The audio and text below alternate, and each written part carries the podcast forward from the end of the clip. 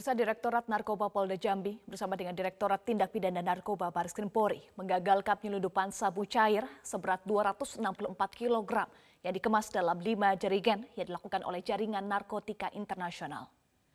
Tim gabungan dari Direktorat Narkoba Polda Jambi bersama dengan tim tindak pidana narkoba Baris Krim Polri mengungkap peredaran narkoba jenis sabu cair yang diselundupkan oleh salah seorang warga negara Iran berinisial NB 33 tahun. Tersangka yang merupakan jaringan internasional ditangkap ketika sedang membawa sabu cair seberat 264 kg yang dikemas dalam lima jerigen di wilayah perairan Provinsi Banten. Rencananya barang haram itu akan diedarkan ke Provinsi Jambi. Diperkirakan dari sabu cair seberat 264 kg bisa menghasilkan lebih dari 700 kg lebih sabu bentuk kristal.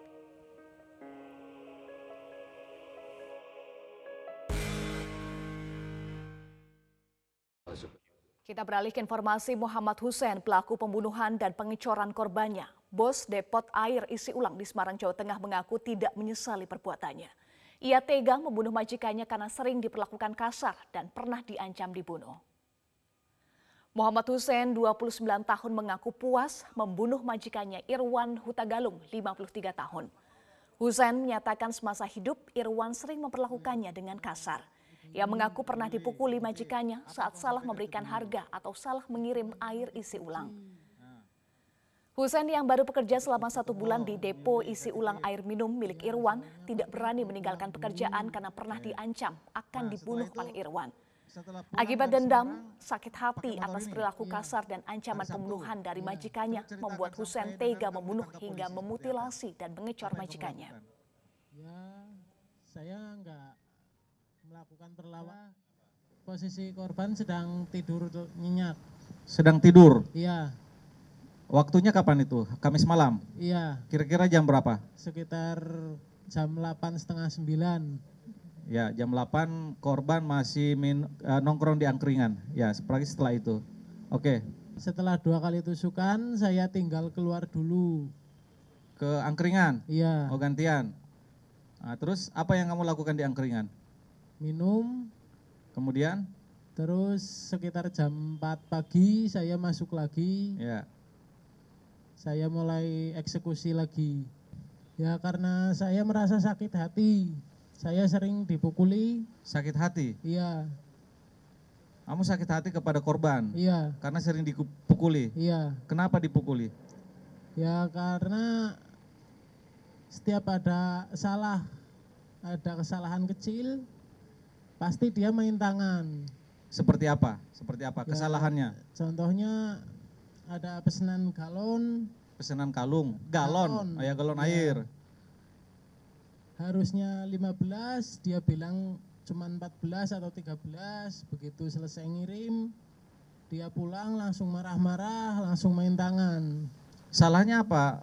Oh harganya 15, kau jual 13? Enggak, harusnya yang dikirim 15. Oh 15 pesanan. Ini galon, oke. Okay. Ya. Kurang berarti ya? Uh, kurang. Hmm. Padahal dia yang bilang. Itulah, berarti sakit hati begitu? Iya.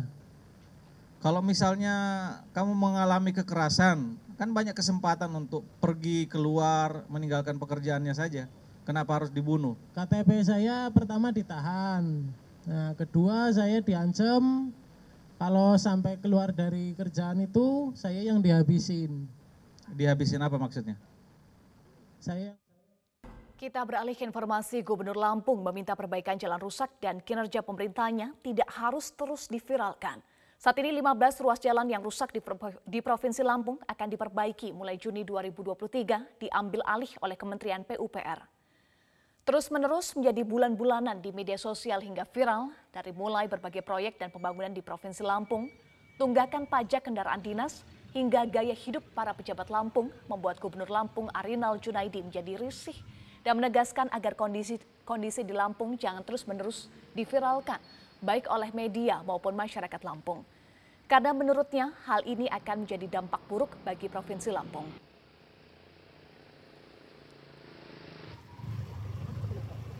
Sebelumnya polemik rusaknya jalan di Provinsi Lampung viral di media sosial, membuat Presiden Joko Widodo dan sejumlah menteri meninjau langsung kondisi jalan yang rusak. Pemerintah pusat mengambil alih proyek perbaikan jalan dengan menyediakan dana sebesar 800 miliar. Hati-hati Pak, mohon maaf Pak.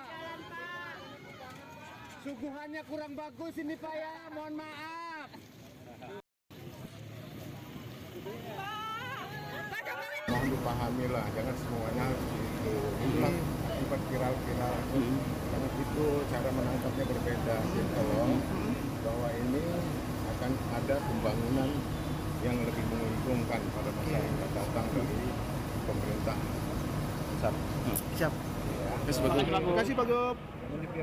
Ya. saya Pemirsa kita ke informasi terdakwa kasus dugaan jual beli barang bukti narkoba yang juga mantan Kapolres Bukit Tinggi AKBP Dodi Prawira Negara dan Linda Pujastuti sama-sama divonis 17 tahun penjara. Kedua terdakwa memiliki peran penting dalam kasus yang menjerat mantan Kapolda Sumatera Barat Irjen Pol Teddy Minahasa.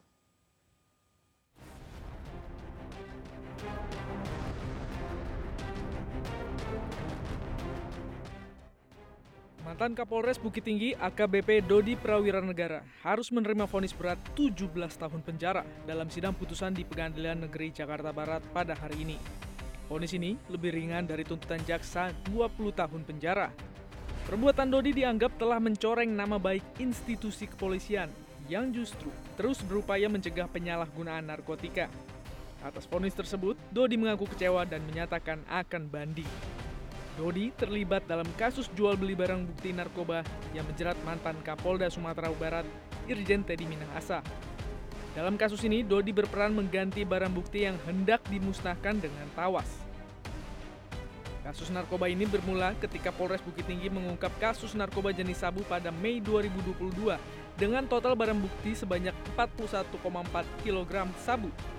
Dalam perjalanannya, Polres Bukit Tinggi kemudian memusnahkan barang bukti sabu tersebut, namun sebanyak 5 kg di antaranya digelapkan dan diganti dengan tawas. Dodi mengaku mengganti barang bukti sabu yang hendak dimusnahkan dengan tawas atas perintah Teddy Minahasa.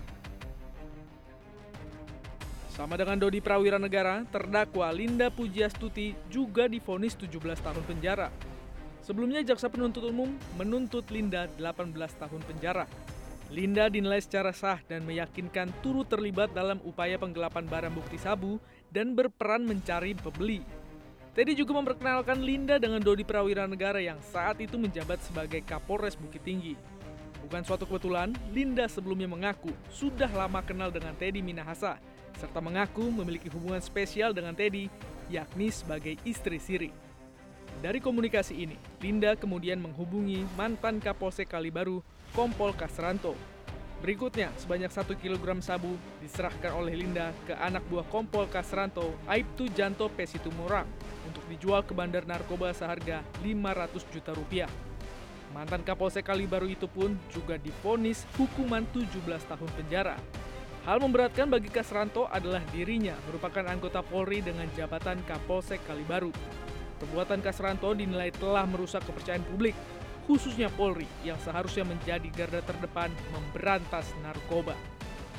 Pemirsa Wakil Ketua Umum Partai Demokrat Beni Kabur Harman menyebut jika Presiden tidak netral dalam Pilpres dan Pileg, maka Presiden Joko Widodo sebenarnya sedang mengumandangkan perang semesta melawan rakyatnya sendiri. Pernyataan Beni ini masih berkaitan dengan pertemuan Presiden dengan enam partai politik di Istana 2 Mei lalu.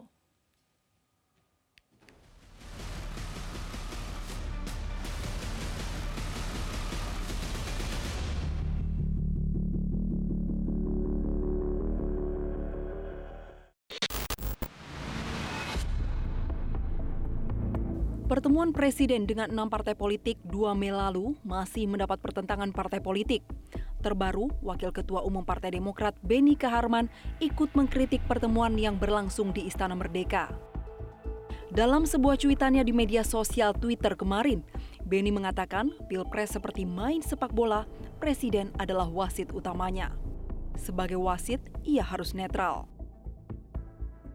Sementara pada cuitannya dua hari lalu, Beni menyebut jika Presiden tidak netral dalam Pilpres dan Pileg, apalagi menjadikan Istana Presiden markas tim sukses capres tertentu, maka Presiden Jokowi sebenarnya lagi mengumandangkan perang semesta melawan rakyatnya sendiri.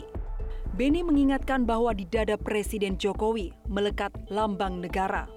lambang Presiden RI bukan lambang presiden dari kelompok atau golongan tertentu. Cuitan Beni mendapat beragam tanggapan. Wakil Ketua Umum DPP PKB Jazilul Fawaid saat dihubungi kemarin mengatakan pernyataan Beni adalah ekspresi emosi belaka. Sementara itu, Ketua Harian DPP Gerindra Sufmi Dasko membantah mendapat pengarahan dari Presiden, misalnya pengarahan dari Presiden untuk membentuk koalisi tertentu.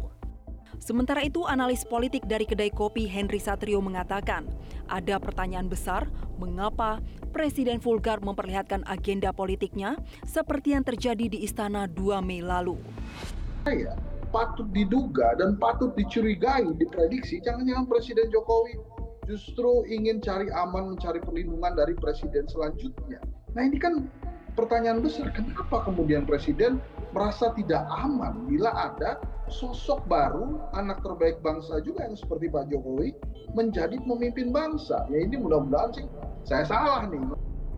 Presiden Jokowi saat berada di pusat perbelanjaan Sarinah, Jakarta 4 Mei lalu tertawa ketika disebut cawe-cawe urusan Pilpres.